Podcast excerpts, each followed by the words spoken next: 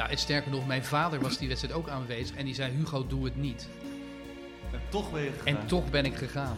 And uh, there used to be a ballpark where the field was warm and green.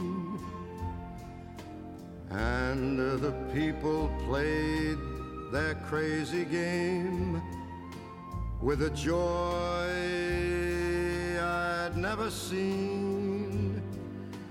And uh, the air was such a wonder from the hot dogs and the beer. Ja, de eerste podcast van Het Gras. We zijn er helemaal bij. Eh, met uiteraard de directie. Hugo Borst, Henk Spaan, Matthijs van Nieuwkerk. Dat ben ik zelf. Frank van der Lende is onze gast.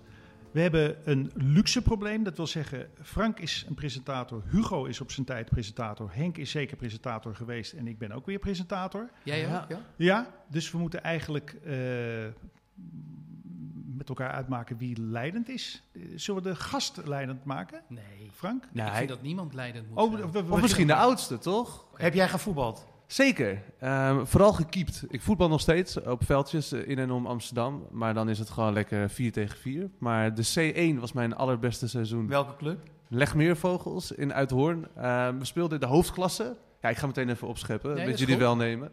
Eh, we speelden in de hoofdklasse. We hadden Mohamed Boussata als trainer, eh, de broer van Dries Boussata. En die zei altijd, hou het simpel. Want ja, we waren een amateurclub en we wilden allemaal liedmanen zijn. Die zei, nee, hou het simpel. Laat de bal het werk doen. Ehm, en ik stond op doel. En ik was toen nog geen 2 meter 2, maar al wel lang voor mijn leeftijd. En ik, ik viste ze er allemaal uit. Ik had wel één à twee blunders in de, in, het, in de helft van het seizoen. Dus ging altijd wel even eentje over me heen of stond ik even te slapen. Maar ik kon ook punten pakken voor de, voor de club. En uiteindelijk werden we eh, kampioen van de hoofdklasse tegen AFC, tegen Argon, tegen Turkiyumspor. Mochten oefenwedstrijden spelen tegen Ajax. Wel dan wij als C1, zij als eh, D1. D1, ja, ja. de- en dan ging er alsnog 10-0 vanaf. Maar dat was wel echt mijn glorieseizoen bij de Legmeervogels. Maar, maar die loopbaan, zijn daar beelden van? nou, mijn, mijn Stel dat we dit vertalen naar een, een televisieformat. Hebben we al gedaan trouwens. Toch, Henk? Hè? Hartgras TV heeft bestaan. Ja, heeft Ja. zeker bestaan. Maar ja. zijn er beelden van? van? Mijn opa stond altijd bij mij achter het doel. Soms werd hij weggestuurd als het een te spannende wedstrijd was. Maar die nam ook wel zijn eh, camera mee. Dus er zijn ergens wel beelden van een kleine, relatief dat- kleine Frank. Dat is wel rijkdom, want ik, ik kijk even naar jullie. Van ons bestaan geen bewegende beelden, toch, als voetballer? Foto's. Ik heb een elftal foto waar ik op sta samen met Ab Osterhaus Zo. voor de club Aristos. En dat is welk jaartal? Die elftal foto die is van eh, in de jaren 50. En Ja. wat was hij voor voetballer? Al- Appie, fanatiek. Ja? Ja. Zie je nog iets terug in zijn eh, vele optredens? Nee. Eh, nee. Nee. Hij was- hij was, hij is, hij, hij, nu is hij beheerst fanaticus.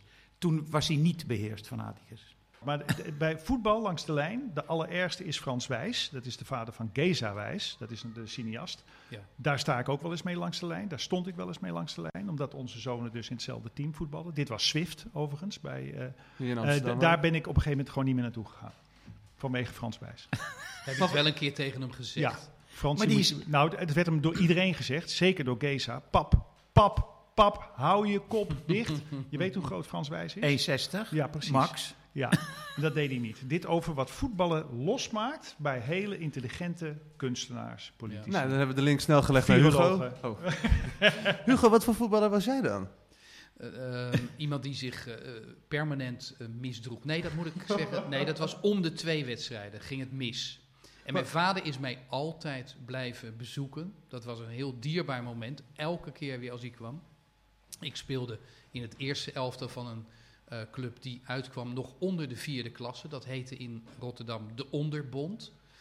Eh, en mijn hoogtepunt, mag ik dat even benoemen? graag. Dat is het kampioenschap in de aller, allerlaagste klasse. Eh, dat zal rond 1989 zijn geweest. En toen promoveerden wij dus van de tweede klasse onderbond naar de eerste klasse onderbond. En serieus, ik was heel erg gelukkig in die dagen. Wat, wat kan voetbal je gelukkig maken? En Op wat was welk niveau dan ook. En wat Maar was jouw aandeel in die, dat kampioenschap? Want waar, waar stond je? Ik was aanvoerder, ik Nou. was een, eh, een eh, eh, multi-inzetbaar rechtshalf, midhalf, eh, laatste man, rechtsback. Maar wij hebben wel eens zaal gevoetbald met elkaar. Zeg het weet, maar, je, Matthijs. weet je dat nog? Nee, het mag, je mag het allemaal zeggen. Maar dat heb, ben ik ook geschrokken van je. Leo was er ook bij, hè? Leo was erbij, Wilfried was erbij. Volgens mij is Simon Cooper er ook nog wel eens bij geweest. Maar dat Jij gaat... kon je, maar wat is dat toch bij voetbal? Ja, ja. Maar wat gebeurt er toch? Wat vaart er in je? Leg mij dat uit, want ik heb het niet. Nee, ik ook ik niet. heb het niet. Dat je zo'n scheidsrechter, ik heb jou een scheidsrechter zien uitschelden, dat kan niet, Nee. Hugo. Dat Nee, kan dat- echt niet. Als ik ergens... Een hele aardige man. Die Maar op is een het za- onrecht? Die op een zaterdagavond, het was ergens in een zaal met, met, met een stinkende gymzaal, daar was hij gewoon in een zwart pak. Dat kan toch niet? Nee. Nee, als ik iets over eh, zou kunnen doen, zeker voor mijn vader zaliger, dan was het dat. Me beter eh, beheersen. Ja, ik heb een, eh, zoals dat heet, een kort lontje. Ehm, en het is, het is pure kortsluiting.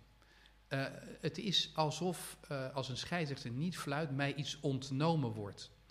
En dat, heeft, dat, dat, dat gebeurt dan in zulke grote proporties in mijn hoofd, dat er sprake is van zo'n onrecht, eh, dat eigenlijk Kofi Annan ingeschakeld zou moeten worden. Om die dit- is er niet, die is afwezig bij die wedstrijd, heel gek. Ehm, dus moet ik het zelf oplossen. En dan ga ik schreeuwen. Ja, dat is eh, van een bedenkelijk allooi. En, maar soms is het ook een kort lontje met voorbedachte raden. Want eh, ik was een keer met jou bij Sparta, ik weet niet meer tegen wie. Scheidsrechter Fink nam een verkeerde beslissing in jouw ogen. Jij bent alle trappen afgedaald naar de catacombe. Oh, Hugo. En jij hebt gewoon gewacht tot scheidsrechter Fink de catacombe inkwam. In de rust. En toen heb je hem alsnog zijn huid volgescholden. Dus je had echt wel tien minuten om erover na te denken. Nou, en sterker nog, mijn vader was die wedstrijd ook aanwezig. En die zei, Hugo, doe het niet. En toch ben je gegaan. En toch ben ik gegaan. Ja, maar dat, kijk, het was wel zo dat eh, keeper Ponk van FC Utrecht, het was een halve finale oh ja, wedstrijd ja van dat Sparta, was het. Ja. Eh, die eh, legde iemand neer. Wij kregen een strafschop en Ponk had er gewoon afgemoeten. Het was rood. Ik weet niet of we in staat zijn om hier de beelden terug te bekijken. Ik maak even een VAR-beweging. Nee. Nou ja, en, en dan word ik zo boos en dan ga ik naar beneden. Maar ja, terecht zeg jij van, je had wel een moment gehad dat je je had kunnen herpakken. ja. Maar wat voor eh, voetballer ben jij, Matthijs? Want we weten dat je het, het conflict uit de weg gaat als je langs de kant staat. Maar op het veld zelf? Ehm, ik heb eh, redelijk. Op een gegeven moment voetbalde ik best wel goed. In een vertegenwoordigend elftal. Dus dan, dan stelt hij je iets voor. Toen ben ik, eh, zou ik naar het eerste elftal gaan. Toen ging ik eh, studeren. Ging naar Amsterdam. Dus dat, en toen ben ik heel laag gaan voetballen. In, vrouwen en drank. en- ja, ja. eigenlijk wel. Ja. En toen ben ik in vriendenteams gaan voetballen. En ik heb eigenlijk het allerlangst gewoon in buitenvelden gevoetbald. Waar ik het centrum van de verdediging vormde met Frits Barend. hey, een mooi duo. Ik denk een jaartje of Tien. 15. Ja. Ik denk het wel. En je was toen 20 nog misschien fit. Je was fit. Ik was, tik- ik was kipfit. Hij was 25 of zo. toen. Ja, toen het begon was ik eh, 24, 5, nee, Ja. iets eerder denk je ik. bent vrij groot ook natuurlijk. Dus je kan Ja, en Frits is natuurlijk... Nou, Frits is, kon goed voetballen hoor. Klein mannetje, toch? Ja, Frits, maar Frits kan goed voetballen. Echt waar. Maar ook Echt een. Hij kon gemeen Ja. zijn. Zeker, ook een beetje gemeen. Nee, maar jullie hadden echt wel enorme schoppers in dat team. Ja, En schaamde je je daar niet voor dan? daar schaamde je ook wel voor, ja. ja. Maar ik vind dat, ja, dat is dus heel gek, maar ik vind het uitschelden van een scheidsrechter. Ik zie altijd die man, ik zie hem naar huis gaan, ik zie hem van huis komen ook. Ik zie dat huis ook. Je ziet hem thuiskomen bij zijn vrouw, kinderen Ja. en dan... Leuk, helemaal- wat moet je fluiten? Nou, buitenvelden tegen, tegen Almere. Oh, nou, veel plezier. En dan komt hij helemaal Maar zou het pont van- en blauw van de schaafwonden. ja, maar zou dat van alle tijden zijn? Want je, je leest Ja, joh. nog... Nee, Jawel. echt niet. Vroeger niet? Volgens mij niet. Want in mijn tijd, om even de, de jonkie, het jonkje Mhm. uit te hangen, werd er zelfs gevochten wel eens met scheidsrechters. Daar was ik echt daar was ik heel verdrietig van. Maar ik ben ook één, één seizoen scheidsrechter geweest als vrijwilliger op de zaterdagochtend voor de F'jes. Nou, wat ik toen ook allemaal naar mijn hoofd geslingerd kreeg van die, van die ouders. Het Maar het gebeurt ook bij het hockey, hè? Dus het is niet alleen een, een Nee. voetbalprobleem. Maar was het vroeger niet zo? Ik heb het idee van niet. In ieder geval, nou ja, goed, er was geen publiciteit.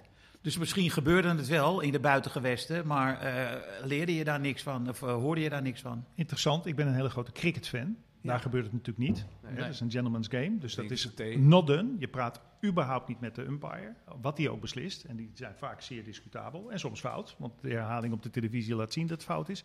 Rugby, om even een sport te noemen, Nee. nooit Niks. enige conversatie Nee. met de umpire. Nooit. Nee. Nee. Nee, Maar met- hoe kan dat? Upper class. Rugby is heel erg upper class.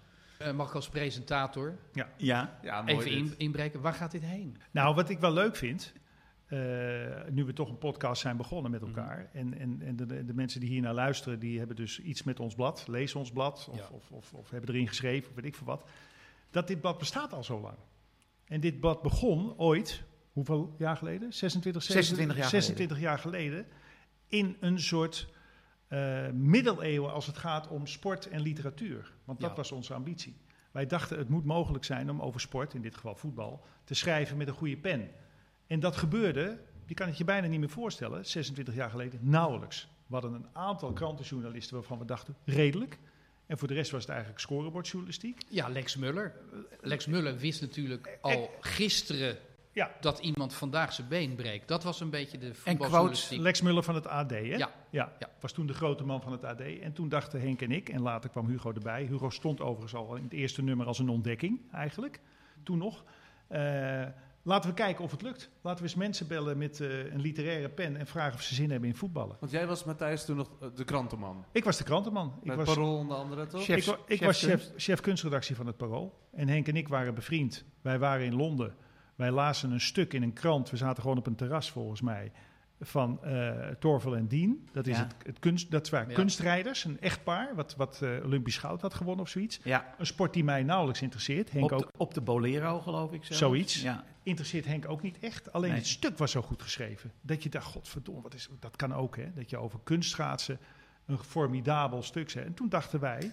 En, en, eh, Maar hadden jullie al Engelse voorbeelden gezien? Want wat had je in Engeland toen aan eh, equivalenten van het toekomstige hardgras? Nou, er was een boek, eh, My Favorite Year. Dat was samengesteld door Nick Hornby en iemand anders. En eh, dat was samengesteld uit artikelen van mensen die niet in de sportjournalistiek zaten, maar in de popmuziek, economie, redacties, eh, politieke commentatoren. En dat waren wel allemaal voetballiefhebbers. En die schreven een verhaal over hun favoriete jaar van hun favoriete club. Dus dan kreeg je een artikel van de economieredacteur van The Guardian over een seizoen van Middlesbrough, ik noem maar wat.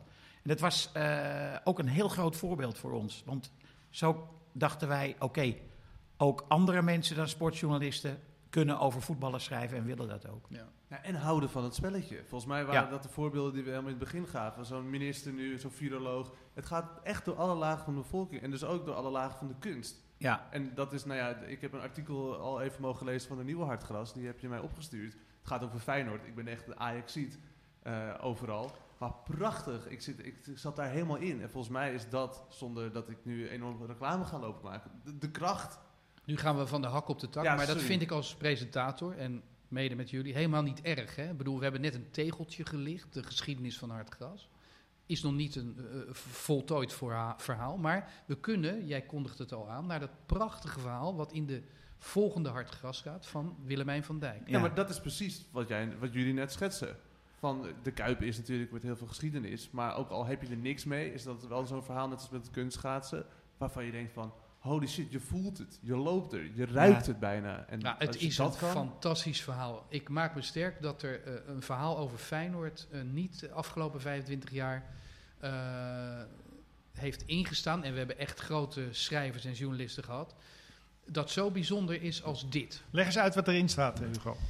Het is een eh, verhaal dat eh, in zich heeft, want ze schrijft 3500 woorden, denk ik. Wie is 4000, zij? 4000. Willemijn van Willemijn Dijk. van Dijk. Henk, wie is zij? Introduceer je Zij is eh, oud-historica. Dat wil zeggen, ze heeft de oude Romeinse tijd bestudeerd.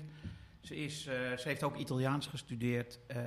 en zij heeft vorig jaar een prijs gewonnen voor het meest talentvolle boek van het jaar, weet ik veel.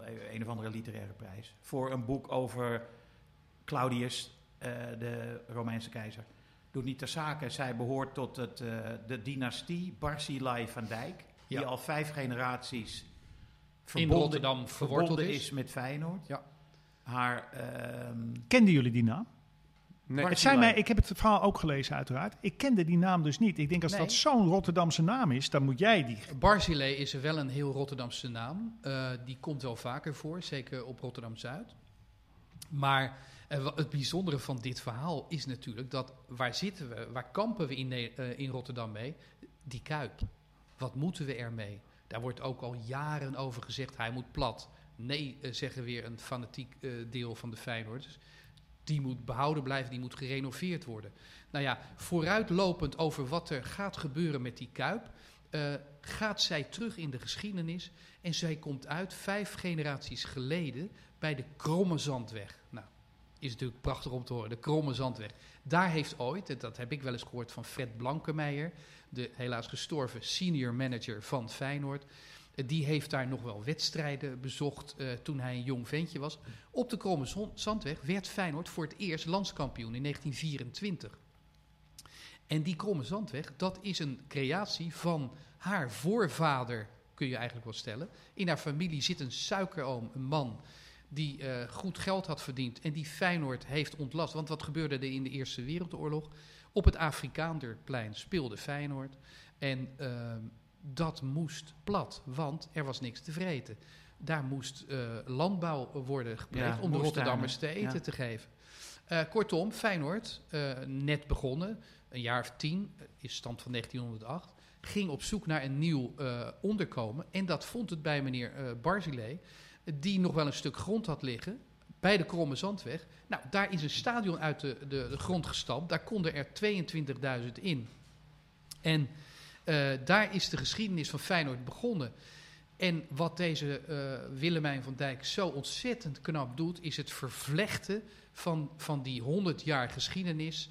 Die gaat van de kromme zandweg tot aan de Kuip. En uiteindelijk komt zij bovendrijven. En wat zij meemaakt, dat raakt nog aan, echt letterlijk, aan die kromme zandweg. Er is een voortdurend eh, verband in die familie. Het is zo knap geconstrueerd. Als wij in de Hartgrasprijs, als die nog bestond, want die is er ooit geweest, in de Ja. jury hadden gezeten. Ja. En het was niet in Hartgras verschenen, hadden we hem echt genomineerd. Ja. Prachtig. Ja, helemaal eens, want ik heb het ook gelezen. De En hij heeft- detail. de- En de, en de, de, de, de Godfather heeft nog net meegemaakt dat Feyenoord kampioen werd, hè? Met Dirkie Kuyt. Met Dirkie Kuyt. En daarna ja. heeft hij eh, zijn laatste adem uitgeblazen. Ja, Ja. ja. want die man die liep dus in 1937 als klein jongetje. eh, liep hij het stadion eh, binnen, de opening van de Ja. Kuip tegen Maar, maar was dit een notabele? Was dit, eh, stond men op als hij de Kuip binnenkwam zeven jaar geleden? Kende jij hem? Ik, ik wist niet dat hij eh, in, in 2012 eh, afscheid had genomen. Maar zoals hij dat dan beschrijft, vond ik diep ontroerend. De man liep nog met een stok. Ja, Die precies. had hij even afgegeven. Nee, ik kende, ik kende het verhaal niet. Voor mij zaten er ontzettend veel nieuwe eh, details Ja. in. Terwijl En hij in het had ook- Rotterdamse... Hij had ook in het eerste gespeeld, hè, deze man, eh, als rechtsbuiten van Feyenoord. Maar is in de oorlog gewond geraakt aan zijn rechterbeen. Dus kon daarna niet meer voetballen en nauwelijks lopen. Dus wat ze ook goed beschrijft, is dat ze voortdurend met een man met een stijf been naar de kuip, Ja. naar de kuip in de menigte en Ja. daardoor een beetje Ja. achterliep Ja. en zo. En Maar het is toch weer een universeel voetbalverhaal. Want ik herkende toch 1968, waarin ik voor het eerst met mijn vader naar het kasteel ging. Ik was zes jaar aan zijn hand. En zoals zij beschrijft hoe zij in de jaren 90 naar Feyenoord gaat, dat heeft weer zoveel raakvlakken.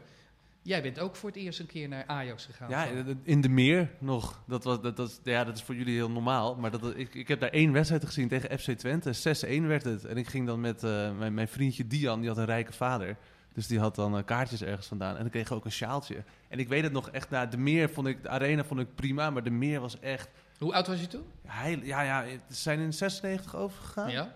Dat zou, ik zou dan een jaar daarvoor zijn geweest, dus ik was zeven. ja. Ja, echt prachtig. Maar dat is ook precies wat er in dat verhaal naar voren komt. En ik vind, want jij vertelt bij zijn afscheid mag hij dan 25 meter over het veld lopen zonder zijn stok. Ik vind het contrast ook zo mooi met die Guidetti, wat natuurlijk toen Ja, de ja, tijd ja. de spits was, maar waar we later eigenlijk niet zo heel veel meer van hebben gehoord. Ook al werd hij vaak terugverlangd. Maar het contrast tussen zo'n oude grijsaard, zo zie ik het voor me. Dat is natuurlijk het mooie aan lezen en, en boeken en, en eh, artikelen, dat je je eigen verbeeldingen los kan laten gaan. En dan een beetje die hippe vogel, Guidetti met zijn tatoeages en met zijn... Ja, hij wist natuurlijk niet wie die man was, maar dat, dat zij elkaar ontmoeten dan op die middenstip bij zijn afscheid. Ja, ik weet niet, ik vond het ergens heel ontroerend. Ja. Ik, ik vind ook heel erg leuk dat we weer in haar, Willemijn van Dijk, dus iemand gevonden hebben die op voetbalgebied totaal onbekend was. Mhm. En die dus nu een verhaal schrijft in Hartgras, wat fantastisch in de traditie van Hartgras past. Ja, want dan kunnen we wel En eens mee pochen, toch? Want er Ja. zijn he- hele grote Nee, maar schrijvers. zoals eh, Simon Cooper had nu een rubriek bij eh, Studio Studio, Voetbal. Voetbal. hè? Werd hij eh, even te- was hij in beeld? Ja. Ja. en wij hebben hem Hartgras binnengehaald, Ja. weet je niet? En daar was ook Marcel van Roosmalen, toch? Eh, En die was gisteren natuurlijk bij, of bij de vooravond. Dus zat hij Ja, te maar shinen. Marcel doet toch ook studio voetbal? Of? Ja, daar heeft hij ook een column. Oké. Een gesproken column, ja. Nee, Nou, wij ook- hebben, ook wij hebben ontzettend veel mensen... van Wij hebben ontzettend veel mensen ontdekt voor ons blad. Hugo Borst. Hugo, nou ja, kijk, om even aan te geven hoe, hoe, hoe, hoe de wereld er 26 jaar geleden bij lag. Wij beginnen, Henk en ik beginnen in een voetbalblad. Het was toen de eh, WK van 94. Ja. Daar stuurden we Ronald Gippard heen. Want dat was toen de, de, de, de jonge schrijver met veel succes en met veel liefde voor de voetbalsport. Heeft een ontzettend leuk verhaal geschreven. Dus die gingen we benaderen. Nick Hornby, inmiddels eh, is, hij, is, hij, is hij te groot voor ons, zou ik bijna kunnen zeggen. Die hebben wij benaderd, die heeft voor ons geschreven. Was ook bij de, bij de feestelijke opening van eh Hartgras, hè, de presentatie. Maar Henk zegt, er werkt bij mijn televisieprogramma een jongen, die heet Hugo Borst, die komt uit Rotterdam. Die kan aardig schrijven. en die wil een stuk over Brian Roy schrijven. Zouden we dat doen? Ik denk, nou ja, de redacteur bij jouw programma, we hebben literaire aspiraties. Ik kende Hugo niet, dus ik zal tegen Henk ongetwijfeld nog gezegd hebben: moeten we niet misschien Jan Wolkers vragen of eh, Adrie van der Heijden of Herman Koch? Ook allemaal gebeurd. Nee, Later. dat komt best even wachten. Ja. En toen, he- toen zat ik in Friesland, in het huisje waar wij, wat wij toen huurden als gezin, of waar wij toen waren die zomer. En toen had ik een fax meegenomen. Dus De fax. ik had een fax meegenomen, misschien zelfs gekocht voor die gelegenheid, omdat Henk mij het stuk zou doorfaxen. We waren niet bij elkaar in Amsterdam, jij zat in Italië misschien. En toen zag ik dus per fax, moet je nagaan, Ja. het stuk van Hugo langzaam opkomen. Toen belde ik Henk meteen op. Ik zeg, dit is fantastisch zeg, die Hugo Borst. Wat dan? Wat vond je dan zo goed aan zijn, zijn stijl? Ja, sorry Hugo, je zit erbij, maar ik vind het heel interessant. Nee, maar wij zijn hier om op te snijden. Over elkaar, eh, prima. Nou, Ik hoor dit Wij graag. waren toen gewend, maar je moet je proberen te verplaatsen in die tijd, de platte voetbaljournalistiek. En het was nogal plat. Het was gewoon feitelijk. Wie scoorde er? Wat was het voor actie? De romantiek, het sentiment, eh, de geschiedenis, alles wat bij voetbal hoort. Wat dit verhaal wat we net bespraken zo mooi maakt. Hè. Het voetbal is ook het leven. Een ontzettende dooddoener, maar het is echt waard. Het is een metafoor voor veel meer dan alleen maar een doelpunt of een, win, of een winst. Dat zat er bij Hugo al in. Zijn blik op toen Brian Roy. De zinnen die hij schrijft, gewoon goed geschreven. eh, knap gedaan. Ja, wat Ja. we wilden. Het stak echt boven de gemiddelde sportjournalistiek uit. Op dat En hij kwam ook in de portiekflat waar de familie Roy woonde. Dat, Ja. dat, dat beschrijft Hugo ook. De trap oplopen, Ja. het koken van de moeder van Brian. Ja, eh, de sportjournalisten in die tijd schreven dat echt niet Helemaal op, weet niet. je wel. Ik was zenuwachtig. Weet je dit nog, ja, Ja, Hugo? natuurlijk weet ik dat nog. En ik wist ook dat eh, de vriend van Henk Spaan, Matthijs van Nieuwkerk, het aan het lezen was op dat moment. Eh, want ik had het eh gefaxt. Ja, dat is doodeng. En als je dan eh, hoort van, eh, dat het verhaal eh, goed genoeg wordt bevonden om in Hartgras 1 te staan. Ja, dan maak je je hart een sprongetje. Sorry, dat moet ik niet zeggen. Maar dan ben je heel blij. Ja, maar later bijvoorbeeld, om even aan te geven dat er een wereld te winnen was. want er is natuurlijk ontzettend veel veranderd in de krantensportjournalistiek. En ik, wij hebben de hoogmoed te denken dat toen de Hartgras er wel iets mee te maken had. Dat men dacht, hé, hey, zo kan het ook in de zaterdagbijlage of weet ik veel wat. Is dat jij het kamertje van Marco van Basten, door de vader van Marco helemaal intact gelaten als een soort museum, Ja. heb jij gewoon minutieus beschreven. Ja, dat was het dat stuk. Was het, eh, dat, dat was het stuk. Dat was het, de doorbraak waarin Roy steekt daar schreeuw bij af. Maar in nummer twee inderdaad, eh, dat ik bij de oude Van Basten binnen ben en dat ik alleen maar eigenlijk luister eh, naar wat hij te zeggen heeft. Een man die ja, heel eenzaam is eigenlijk. Zijn vrouw zit ziek in een verpleeghuis. Marco speelt in Italië en eh, is eh, ja, bijna uitgerangeerd vanwege een nare blessure. Ja, de, de scheepjes gaan voorbij aan de, eh, aan de Johan Wagenaar-kade.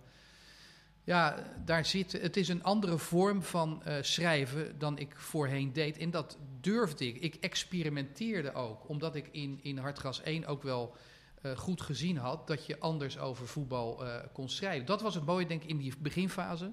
En dat is leuk. Ik belde net op weg hier naartoe Simon Cooper even op. Dus we zaten nog even te bomen over de geschiedenis eh, van Hartgras. Wat wij zo bijzonder vonden was, en dat werd ook gefaciliteerd door die geweldige diners die wij destijds eh, hadden. Na elk nummer dineerden we met alle schrijvers. Ja. Ja, ik ga door, jongens, met deze verhalen. Ja. Ik vind het heerlijk. De, Wij de za- romantiek van de journalistiek. Wij ook zaten aan het diner en er kwam je ineens een, een, een hele bijzondere zeeuw tegen, documentaire maken, Jos de Putter. Nou, een leukere avond had ik eh, eh, niet veel meegemaakt in die tijd. Jos, nou ja, Henk, beschrijf jij hem eens. Wat een sprankelende persoonlijkheid en eh, ja, geniale gek dat is. Ja, Ja, ik kende Jos uit Café de Doffer. Toen kwam hij naar me toe en die zei tegen mij op een afstand van 30 centimeter in mijn gezicht... Jij moet ervoor zorgen dat Feyenoord Wim van Hanegem inhuurt als trainer. Ja, weet ik veel. Ik zeg, eh, Jos, dat... eh, Had jij die connecties toen de tijd? Nee, maar dat, hij dacht dat. Maar goed, hij eh, was die avond eh, een beetje rebels. Het ging, het ging, hij kreeg ruzie met Hornby, hè? Ja, maar je moet wel vertellen, hij was natuurlijk documentairemaker en ontdekte in de favela van eh, Brazilië Ja. eh, Leonardo, de voetballer. Hij maakte een Die film. later bij Feyenoord... Hij maakte Ja. een film over twee hele jonge voetballetjes die uit die favela wilden klimmen dankzij het voetbal. Eén daarvan was Leonardo.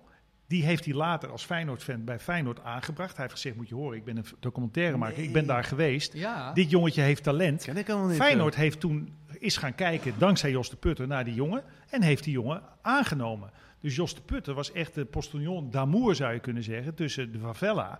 Met zijn documentaire waar hij nog de Joris Evans Award voor heeft gekregen. eh, Bij het Amsterdam eh, eh, Documentaire Festival. Hij had Dus- ook een hele mooie documentaire gemaakt over zijn vader. Het is een schone dag geweest. Klopt, dat was een doorbraak. Prachtig. Eigenlijk als documentaire maken. En toen maakte hij, omdat hij een voetbalgek is, maakte hij deze documentaire. En heeft hij Leonardo, volgens mij heeft hij nog steeds een beetje nazorg bij die jongen, heeft hij aan Feyenoord, naar Feyenoord gebracht. Dus hij was wel, hij had wel recht van spreken als het ging over Feyenoord of over Ja. voetballen. Het was Ja, wel een... Maar hij schreef natuurlijk als eh, niet-voetbaljournalist heel anders over Feyenoord, over zijn eh, beleving eh, van Feyenoord, dan een journalist zou doen. Dus je kwam ineens als eh, eh, Simon Cooper zijnde, of, of ik, of, of wie dan ook, in contact met eh, mensen die heel anders over eh, voetbal schreven dan je eh, regulier gewend was. En dat eh, inspireerde enorm. Ik denk dat die eh, diners, en die eh, verschenen toen vier keer per jaar, enorme impact hadden. En er vond toen een soort kruisbestuiving eh, plaats. Simon zei ook van die gesprekken die ik toen heb gevoerd. Ja, het was een soort thuiskomen. Ik voelde me altijd een, een eenling, een, een eenzame eh, liefhebber van, eh, van voetbal. En daar ontmoette ik gelijkgestemden. Ja, zo was het zeker. En iedereen deed. Het was de tijd dat Rudy Kousbroek schreef, toen nog een belangrijke essayist. Eh, sport is voor de domme.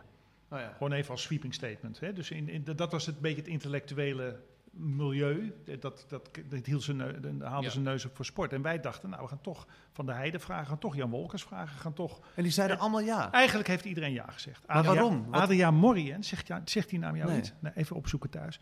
Adriaan Morien heeft zelfs nog geschreven voor Ja. het gras. Ja, En moeten we nog even de anekdote over de ruzie eh, die kan je, tussen Nick Hornby Ja. en Jos de Putter beschrijven? het ging over een voetballer die heette Gemmel. Na twaalf, hè. Ja, na 12. Ja, Ja, Er zat wat drank in de man, dat- ja. ja, in ons allemaal. Maar hij is wel legendarisch, deze Maar anekdote. het ging over voetballen. Ja, het ging over de finale van Feyenoord tegen Celtic.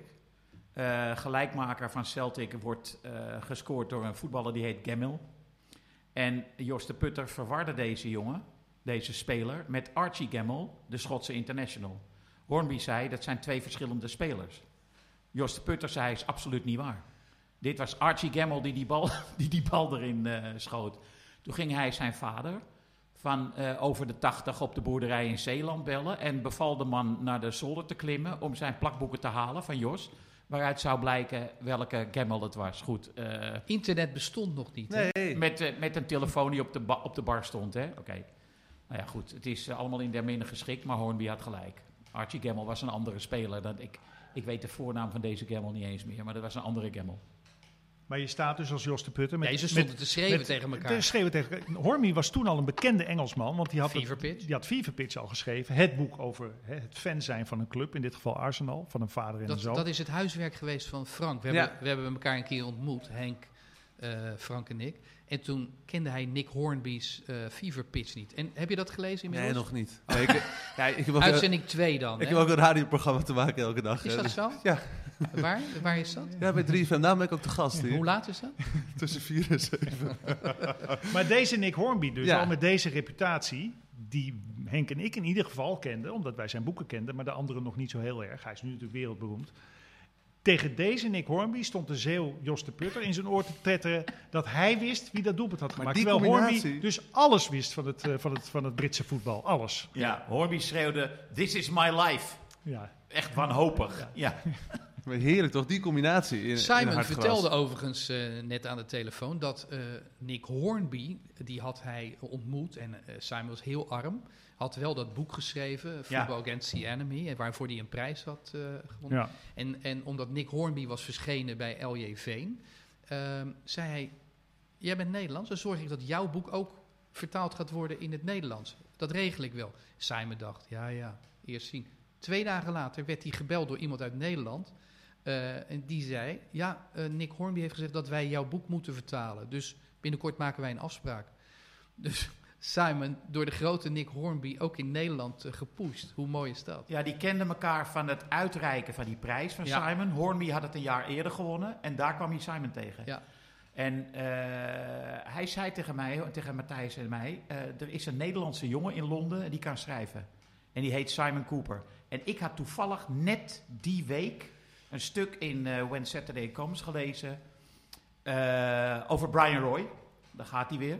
Eh, geschreven door Simon Cooper. En ik vond het verbijsterend dat deze Engelse journalist zoveel wist van het Nederlandse voetbal. Maar hij bleek dus in zijn huis gewoon eh 30 jaartal, eh, 30 jaar Voetbal gangen International. VI te hebben liggen. En in Nederland te hebben gewoond. En in Nederland middelbare hebben school. gewoond, zeker. En Ja. spreekt vloeiend Nederlands. Ja. Ja. Ja. En is, is nu een journalist van de Financial Times, hè, Ja. de beste krant van de wereld, En- waar hij een van de allerbeste columnisten is. En hij onthulde mij net weer zijn geheim. Ehm, dat heeft hij alles eh, eh, opgebiecht in, de, in het boek De beste lange bal op aarde. Daarin staat, ik schrijf alles op. Hij eh, zegt daarin, en dat verscheen in 2008, ik heb 103 opschrijfboekjes. Ik schrijf alles wat ik meemaak op, tot in de kleinste details. Eh, dus ik vroeg hem net, hoe ver ben je inmiddels? Hij dacht eh, dat hij bij de 200 zat. En hij zegt, dat is mijn goudmijn. Want 200 wat? Boekjes. Oké. aanteken, aantekenboekjes. En die eh, aantekenboekjes, dat is zijn goudmijn. Want hij zegt, ik schrijf zoveel op, ook dingen die eh, bijvoorbeeld in 1996 niet de krant hebben gehaald.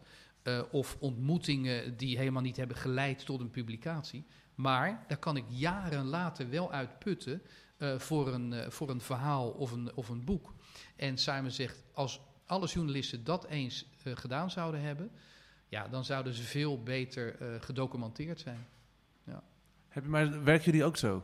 Bijvoorbeeld nu nog? Wat, Nee, voor, ik- voor Radio 1 of Ik, voor moet, dat- ik zou dat moeten doen. Ik ben heel slordig. Want Simon is altijd verbaasd dat journalisten in, een, in een perskamer, daar praat hij over vroeger, aantekeningen maken op de achterkant van de opstelling. Vindt hij onbegrijpelijk. Dus Omdat je het goed moet archiveren en je moet goed documenteren. archiveren, je moet dat in een boekje schrijven. Een boekje dat in de binnenzak van je Colbert eh Maar past. tegenwoordig heb je een telefoon. Ik heb allemaal notities in mijn telefoon Mhm. dat ik dan Ja, over straat loop. En ik had, was vorige week voetballen met, met zeven vrienden. En toen begon iemand over het mysterie van de paling. Dat hij zich in het wild niet voortplanten. Althans wel voortplanten, maar niemand weet hoe. Nou ja, dan schrijf ik dat eventjes op. En Mhm. dan ga ik dat daarna uitzoeken. Ik neem aan dat jij dat toch ook doet voor je tv-programma's, Matthijs? Ik heb voor- opschrijfboekjes, Ja, maar geen honderd. Maar ik heb thuis een opschrijfboekje. Dus als ik was, wat lees of hoor of zie of mij valt iets in. Ik ben nu een, aan het nadenken over een nieuw programma. ja. Dan heb ik nu een opschrijfboekje al half vol. Klopt. En En dat ook- doe je niet in je telefoon. Nee, dat doe ik niet in mijn telefoon. Nee, dat, eh, dat, dat, nee. Mag ik, schrijf, ik schrijf wel eens iets in mijn telefoon om het later in een boekje te schrijven. Om het later op Ja. Twitter te zetten. Nee, Mogen we even nee. aandacht voor de Twitter van... Ja, gaan we even van de Nee, hakcontact, nee. presentator? Henk Spaan, daar krijg ik veel complimenten over. Dat hij zo ontzettend leuk twittert. Ik volg het allemaal Geef eens niet, een maar, voorbeeld. Ja, ik heb Nee, even wat ik- screenshots gemaakt. Ik heb even wat vrienden van mij zeggen dat. Ja? Eh, het gaat eh, veel over eh, voetbal. Fijn. En dat is ook natuurlijk de reden waarom we hier zitten. Maar het gaat ook af en toe eens over andere zaken. Laten we even beginnen met Promenade. Het, zijn lievelingsprogramma op de zondagavond. Staan ze bij Promenade open voor verzoeknummers. Dan vraag ik om Kill Softly, gezongen door Eva Krutse. Die daarin, nou ja, en dan, dan reageert heel Twitter daarop. Onder andere ook Diederik Emmingen, de presentator. En dan, nou ja, Henk, jij gaat dan viral. En jij geniet daar ook van, toch? Nou, ik vind het wel, viral is overdreven, maar ik vind het wel leuk dat, eh, dat heel andere mensen gaan dan ook zeggen, oh nee, ze moeten dat en dat gaan zingen. Of eh, dat nummer. En Eb- Ebbingen, die eh, zou wat zijn zeg, als dat, als dat zomaar zou kunnen, weet je wel. Zogenaamd gespeeld, licht geïrriteerd. En eh, daaronder hem komen dan ook weer voorstellen voor nummers. Ja, dat is leuk. Maar dat is dan de, de, de voetbaltweets vind ik nog interessanter eigenlijk, want je hebt er veel verstand van. Wij hebben toen op het terras het over Botman gehad bijvoorbeeld. Ja. En twee dagen later ging hij voor het bedrag wat jij in, in je Henk hoofd had. wist dat al. Een soort Lex Muller, maar dan in Ja, maar 2020. echt, Matthijs, ik heb daar gezeten drie uur lang als een kind in de snoepwinkel met alle verhalen die die twee mannen vertellen en die nu ook weer worden verteld hier. Maar ehm, eh, over een, een talent in Fra- Frankrijk, eh, Cam, Wie? Kamavinga. Kamavinga, 17 jaar, groot 17. talent in de competitie van het Is talent. een- ja, Is geselecteerd nu, hè? is geselecteerd voor het Franse elftal. Maar je bent dan boos, maar in Nederland snappen we er niks van. Knoflookaversie, denk ik. Nou ja, oh, ik vind het belachelijk dat de, dat de Portugese competitie en de Belgische competitie hier worden uitgezonden.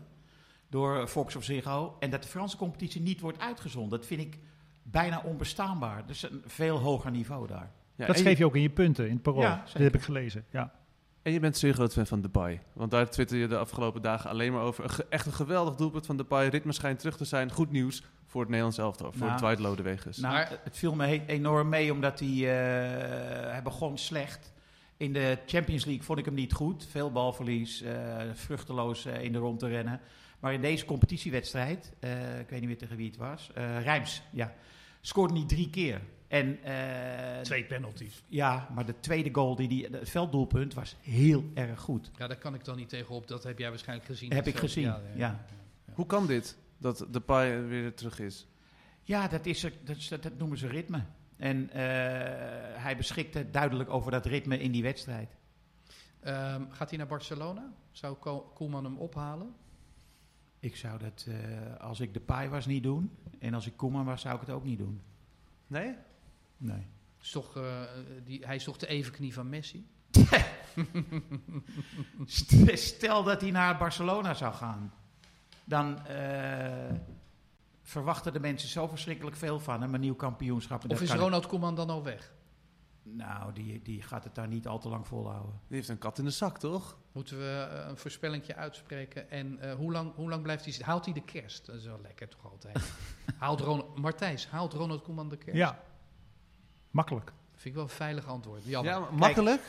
In, in deze Hartgras, hè, Hartgras 130 geloof ik, schrijft de Simon Cooper, waar we het net al over hebben gehad, die een boek schrijft over Barcelona, schrijft hier een hoofdstuk over La Masia, de opleiding van Barcelona. Puinhoop. Als je dat leest, dan weet je al dat Koeman het niet gaat redden, want Xavi is binnen de hele club de nieuwe trainer van Barcelona. Dus als er daar een nieuwe voorzitter komt, eh, na die verkiezing... maart. Ja, Dat heeft hij ook al gezegd, die nieuwe voorzitter. Als Ja. hij het wordt, die voorzitter, zegt hij dan wordt Koeman sowieso niet mijn trainer, Maar maar, jongens, als jullie dit al weten. ja. Koeman is toch niet op zijn achterhoofd Hij gevallen? leest Hartgras niet. Nee, maar hij, is toch ook, hij heeft toch ook ingelichte bronnen. Nee, maar en- wat en Koeman redt is natuurlijk een goed resultaat. Als hij kampioen wordt of hij wint de Champions League, ja, dan zal het dan... Ja, maar dat haalt hij misschien dan niet krijgt hij geen schouder. Dat- Want dat- maart dat komt een nieuwe voorzitter. Nee, maar ik denk dan nog, hè, als hij kampioen zou worden, zal dat zonder, zonder Messi waarschijnlijk gaan, want die, die gaat niet blijven. Eh, dan, zal, dan zal dat niet met mooi voetbal geschieden. En, Nee. dan, en dan nog eens Xavi, een soort god, die komt dan toch het betere voetbal brengen naar Ja, Koeman. met steun... Is Safi dan een betere trainer dan Ja, want Koeman? hij kan voetballen, maar kan hij ook trainen. Nee, dat, is- dat is niet gezegd. Nee, lijkt mij ook niet. maar, maar iedereen binnen de club wil Xavi. Ja. Dus eh, ja, dat is gewoon zo. Ook binnen de opleiding. Alle trainers daar die Simon heeft gesproken, die zeggen...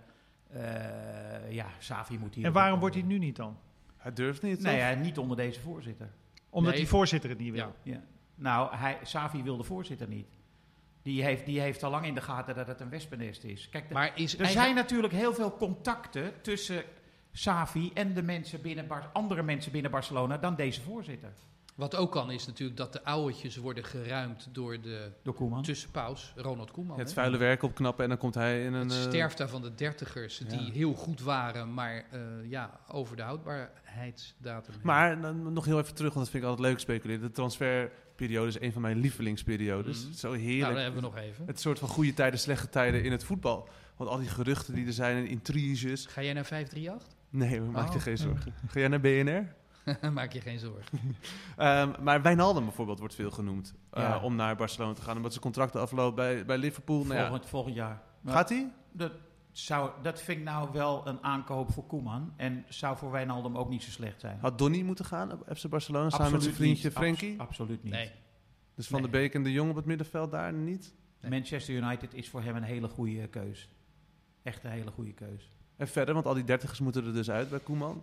Wie, wie zou die Nou moeten ja. halen? Uit de Franse competitie misschien, Henk? Of uit de, de Eredivisie nog spelers? Ja, we willen even een geheimtype uit de Franse competitie die wij nog niet kennen. Dat we, dat we zeggen, over een jaar terugblikken, dan hebben we twaalf podcasts opgenomen. Dan En knippen we dit fragmentje. Ongelooflijk een keer Henk dat jij dat toen al zag. Ja, nou, kijk, Aouar van Lyon, die moeten ze verkopen, want ze hebben het geld nodig. Die kost eh 40, 50 miljoen. Dat zou een goede speler zijn. Voor Barcelona al? Ja. En, eh, maar goed, Camavinga die heeft, waar- geloof ik, al afspraken met Real Madrid voor volgend jaar. Ja, dus eh, kijk, Wacht even, ik moet even ingrijpen. Ik kijk naar de overkant en ik zie Matthijs inkakken. in, Die heeft nu even... Ik weet hier niet zoveel van. Oké. Jullie, vo- jullie volgen het voetballen, gewoon de, de, de wekelijkse standen en de opstellingen, veel beter dan ik. Ja. Maar, maar eh, wat kijk jij nu dan, wat voetbal betreft? Kijk jij naar, de, naar Fox, naar de wedstrijden in de voorbereiding? Heb ik allemaal niet. Weet ik heb al die niet- zenders ook niet. Weet jij nu wat er aankomt bij Ajax? Aan nieuwe spelers? Nou, dat hou ik nou nog een beetje bij. omdat Anthony, om- heb om- jij al zien wervelen? Nee. Nee. Nee. Maar IJs hou ik natuurlijk van alles het beste bij, in het Nederlands zelf, vanwege de kranten die ik lees. Maar ik hou het niet allemaal bij. Nee. Wat was jouw eerste keer? Hoe oud was je toen je naar het stadion ging? Oh, gelukkig. Eh, DWS Feyenoord, Olympisch Stadion. Hoe oud was je? Zeven. Met wie, won, paps? wie, Paps. won, wie won? Volgens mij won DWS. Jan Jongbloed, flinke vleugel. En we waren natuurlijk voor DWS. Dus we praten over 1967. Ja, vol Olympisch Stadion. Vol Olympisch Stadion, weet ik nog. Indrukwekkend vond ik dat. Zag voor het eerst een vol stadion. Het was DWS, was niet eens Ajax. Mooier stadion dan de Kuip? Eh, nee. Nee. Nee. nee. de Kuip is wel het mooiste stadion, vind ik. Vind je niet? het trillen. Absoluut. Ja, dat trillen. Oh man, ik ben één keer bij, een, bij de eh, bekerfinale geweest, Ajax tegen, Ja. weet ik niet. Maar dat was zo intens. Weet je hoe dat trouwens ooit is uitgetest in 1937? Ze hebben eh, werkloze arbeiders, het, waren, het was de jaren 30 en, en, en ja, bijna niemand had werk in Rotterdam. Die hebben ze verleid om voor een gulden en een neut daar eh, met een paar honderd man te gaan springen in de ring. Serieus waar. Ja, dat is een test geweest. En, eh, want het is inderdaad magisch als je in de Kuip bent en dat stadion ontploft. Zeker als je op tweede ring zit. Ja, daar zat ik. Dat Ja. is bijna eng. Ja, Maar ik het vind het bijna echt- eng. Ik vind het ook eng. Kan het? Is het verantwoord? Want ze hebben toen de tijd getest, maar we hebben het over 1937. Jongens, als er wat in Rotterdam wordt gebouwd, dan kan je er zeker van zijn dat het niet instort. Kom op. Ook al is het 1937 geweest. Het werd heel goed gebouwd in het is een heel andere podcast. Maar ik weet dat er heel nauwkeurig werd gewerkt. Als je al werk had, dan deed je je stinkende best in de jaren 30. Dus ik weet het om, mijn, mijn opa was timmerman. Heeft nog gewerkt aan de Maastunnel. Ehm, en ik weet uit de overlevering dat als je werk had, dan deed je zo ontzettend je best. Dus die Kuip, jongen, die staat voor eeuwig. Neem niet weg dat, Dat als, je, als daar een plas moet doen in de Kuip... Oh, En dat is de schuld, want laat ik even ook een venijnige trap uitgeven. Dat, dat ben ik niet verleerd. De, de, de bazen van de Kuip hebben het stadion de afgelopen jaren laten verloederen. Expres hebben ze het naar de kloten laten gaan. omdat ze een nieuw stadion willen. Precies, het is een schande. De liefde voor de Kuip die, eh, die er bij de supporters heerst, die is eh, bij de, de stadiondirecteur niet. Het is eh, ja, heel smerig als je daar naar de wc gaat. Het, het stinkt er naar pis. Maar zijn, Zoals niet, het ook in het Olympisch Stadion, hè Matthijs? Jij bent ook wel eens wezen plassen in, het- in het Zo. Olympisch Stadion. maar zijn er niet alle toiletten in alle voetbalstadions vies? Ook in de arena. Als je daar komt, zeker als je Nee, een heel beetje... vies. Ja, Heel toch? Vies. Moeten wij daar niet eens een onderzoek Nou, naar dat zou doen? best een leuk onderzoek zijn. Ik herinner me dat ik doodsbang was. Riooljournalistiek. Toen ik een jaar of negen was en dan stond je in het stadion te plassen naast die mannen. Met allemaal van die eh, enorme... je, je wierp wel eens een blik opzij. Je was op, op kruishoogte, zeg maar. Mhm. Ik schrok me daar altijd te kaleren. Ja. Van die kinderarmpjes zag je dan. Heel erg, ja. Heel, heel erg. Matthijs, ik ben het niet dit keer. Waar gaat dit heen? Kinderarmpjes, Frank. Ja, dat is Nee, je toch moet je echt mee uitkijken. Er zijn die ouwtjes allergisch voor. die oudjes. Daar hoor ja, ik zelf ouder. ook bij. Nee, trouwens heb ik één keer meegemaakt. Olympisch Stadion. Kunnen jullie je nog herinneren? Die krokettenman. Eh klein ja. Indisch mannetje. Donkere man. Witte Ja. jas. Ja. Die stond, Die langs de rijen ging. Ja. Ja, die precies. stond daar te plassen. Waar? En in het Olympisch Stadion. Oh, in een wc mag ik hopen. Met dat witte dingetje. Nog niet zijn krokettenbord voor, gelukkig. Maar ik zag wel dat hij naar buiten liep zonder zijn handen te wassen. En was daarna heel scheutig met het aanreiken van worsten en kroketten. Gadverdamme. Ja. Mm, Mm, matig. ja. Slaat een beetje dood, dit, eh dit verhaal. Nee. Excuses voor deze. Nee, want Matthijs en ik kennen die man. Echt? Ik heb hem zeker zien lopen, ja. Met zo'n eh, zo'n houten bak voor zijn buik. Ja. Met zo'n leren riem. Maar jij weet ook dat hij af en toe wel eens... Ook, ook het geld, hè, dat met kwartjes en zo had, zat hij ook allemaal aan. Maar ook die kroketten beetpakken. Hij had heus niet alleen het papiertje om de kroket beet. Nee, klopt. Maar dit is een heel ander verhaal. Ik denk dat we die kant niet op moeten. Moeten wij nog voor de volgende aflevering, eh, waar ik natuurlijk weer te gast ben, Ja. ehm, nog, nog kijk, een, een, een quizje is misschien iets te, te kinderachtig, maar iets een voorspelling doen of zo, dat mensen denken van, oh ja, ik wil wel weten wat het antwoord is. Zeg jij nou quiz? Ja? Ja, kom op man. Iedereen doet een quiz in een podcast. Nee, maar daarom dacht ik misschien Is een zo? voorspelling of een, een, een, een slagzin. Ik ga jou een vraag stellen. Slagzin! Frank, ik ga jou een vraag stellen. Ja. Wij hebben ook alle drie heel vaak meegedaan aan de grote Nederlandse voetbalquiz. Bij Joep van het Hek De thuis. Aspen Trophy. De Aspen Trophy bij Joep van het Hek thuis op de Prinsengracht verzamelde zich eens per jaar De voetbalelite. de fine fleur van de voetbaljournalistiek en een aantal Oh. voetballers. En dat was eerst een quiz, die maakten Joep en ik samen. Wij waren een beetje met z'n tweeën gastheer. En daarna werd er gegeten tot diep in de nacht. En alles wat daar gezegd werd, bleef daar. Dus daar kan ik verder niks over zeggen. Maar ik kan wel zeggen dat we dus een quiz hadden. Dat deed Jack van Gelder aan mee, Kees Jansma, noem het allemaal op. En die jongens hadden niet, Danny Blind, die hadden niet, die hadden niet zelden, hadden die Zaten mannen die de, daar ook? Ja. hadden niet zelden de wedstrijd waar de vraag over ging, gewoon becommentarieerd, Ja. maar wist het antwoord. Of gespeeld. Of gespeeld. Ja. maar de vraag, de vraag is de volgende. Maar ook voor iedereen die luistert, Luister, hè? nee, ja, maar ik ga hem jou stellen, want Ja. Hugo en Henk kennen het antwoord. Maar dit was een kraker van je welste, waar Jack van Gelder vloekend zijn potlood door midden brak. Het bestaat niet, dit is een, nou ja, anyway. Het is 19, even kijken, 78. Nederland heeft verloren van Argentinië in de finale van het wereldkampioenschap voetbal. Er komt een return match, want de UEFA bestaat zoveel jaar, in Zwitserland. Nederland-Argentinië. Aan Nederlandse kant debuteert Tahamata. Aan Argentijnse kant speelt een zeer jonge Diego Maradona mee. Tot zover een beetje de, wat feitjes. Het bestond dat in de tweede helft van deze wedstrijd stond er in het Nederlands elftal twee spelers die precies dezelfde voor- en achternaam hadden. Wat is de naam van die spelers? Voor- en achternaam. Ja, dus de, de voor, ze hebben precies dezelfde naam. In Nee. één elftal, Nederlands elftal, 78. Mag ik hier de volgende aflevering op terugkomen? Ja, dat kan. Is goed? Het, eh, ja, Want je hebt nu bijvoorbeeld heel veel de jongs. Met Nigel de Jong natuurlijk, Frenkie de Jong, Luc de Jong, eh, Mm. noem maar op. Zeker. Simon de dat- Jong. Dat is niet goed. Nee, dat weet ik. Nee, Dit gaat over, over 79, denk En ik. men Of kon was het- niet geloven, maar goed, ik, over, ik overdrijf niet eens eigenlijk. Dit was jullie natuurlijk koppen, al. jongen. Jullie zitten zo te genieten, Men- Hugo. wisten en jullie toen het antwoord eigenlijk? Want heel weinig mensen wisten Nee. het antwoord. Nee, ik ook niet. Nee, Maar het weten het nu nog wel, omdat jullie toen nee, goed hebben nee, opgelet? ik ben het vergeten. Ik Ben het echt zeker. vergeten? Ik weet het zeker. Nee, maar het was Dus echt... ik ga ook zo even zoeken. Maar tweede, kom jij eh, podcast uitzending 2 eh, hierop terug? Ja, zeker. Ja, nu vraag ik wel eh, aan jullie, want ik ben daar zeker niet bedreven in, om een goede afronding eh, eh, te creëren. Wie gaat dat doen? Mag ik toch naar de senior kijken? Ja, ik ook hoor. Nee, ik kan echt absoluut, gaat absoluut op afronden. Ik kan absoluut niet afronden. Nee, nee. Nou, dan moeten we er gewoon hard uit met zo'n zo'n zo'n Nou ja, jij rond elke... Ik zei altijd tot zover. Ja, ik, ik zeg altijd eh, tot morgen ook. Ja. Op de radio. Tot zover. Yes, there used to be a ballpark